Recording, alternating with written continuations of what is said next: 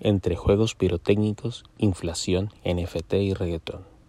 Inmigración, Telemundo y Univisión.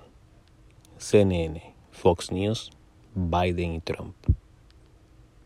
Celebremos el 4 de julio, con esperanza de que este gran país cambie de rumbo.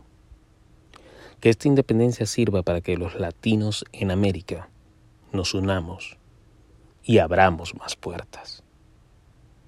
Feliz 4 de julio. Feliz Día de la Independencia.